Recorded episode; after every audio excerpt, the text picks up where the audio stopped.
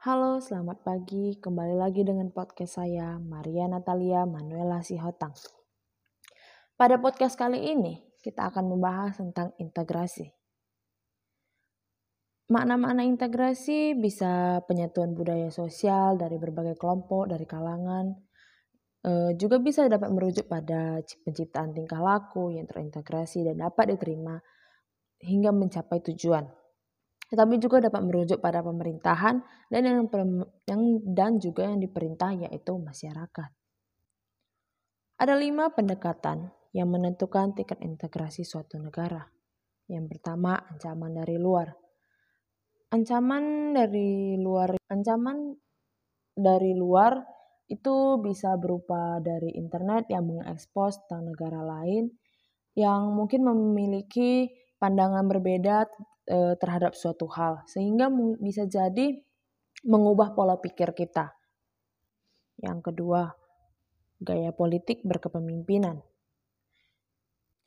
Seorang pemimpin memiliki ciri dan identitas ataupun keunikan tersendiri, mungkin dari cara berkomunikasinya, e, cara dia mengambil keputusan, cara dia bersosialis, bersosialisasi, dan lain-lain.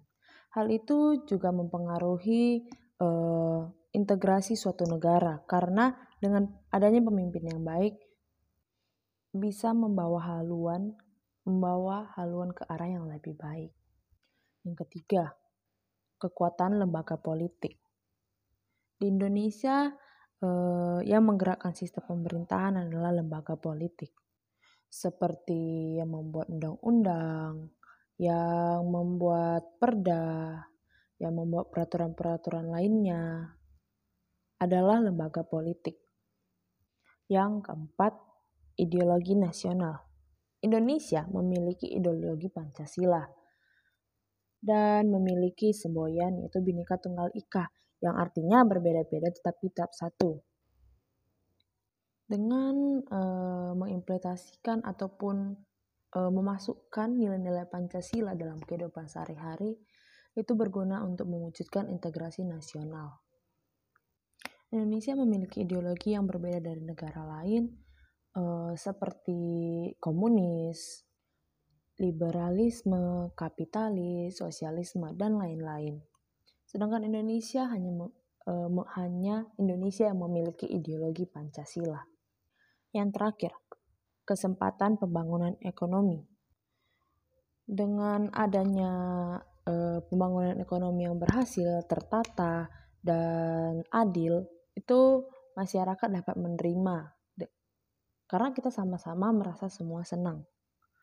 Maka ekonomi yang seperti itu dianggap berhasil. Tetapi jika ekonomi Indonesia tidak merata ataupun misalnya suatu daerah itu terlalu kaya ataupun terlalu megah tetapi di pinggir pinggir-pinggirnya itu um, di pendapatan untuk makan sehari-hari aja kurang maka maka mungkin banyak terjadi percekcokan banyak terjadi banyak terjadi uh, tingkat karena tingkat sosial yang uh, terlalu jauh hingga menganggap diri itu yang lebih baik ataupun merasa buruk sehingga berbagai masalah pun timbul.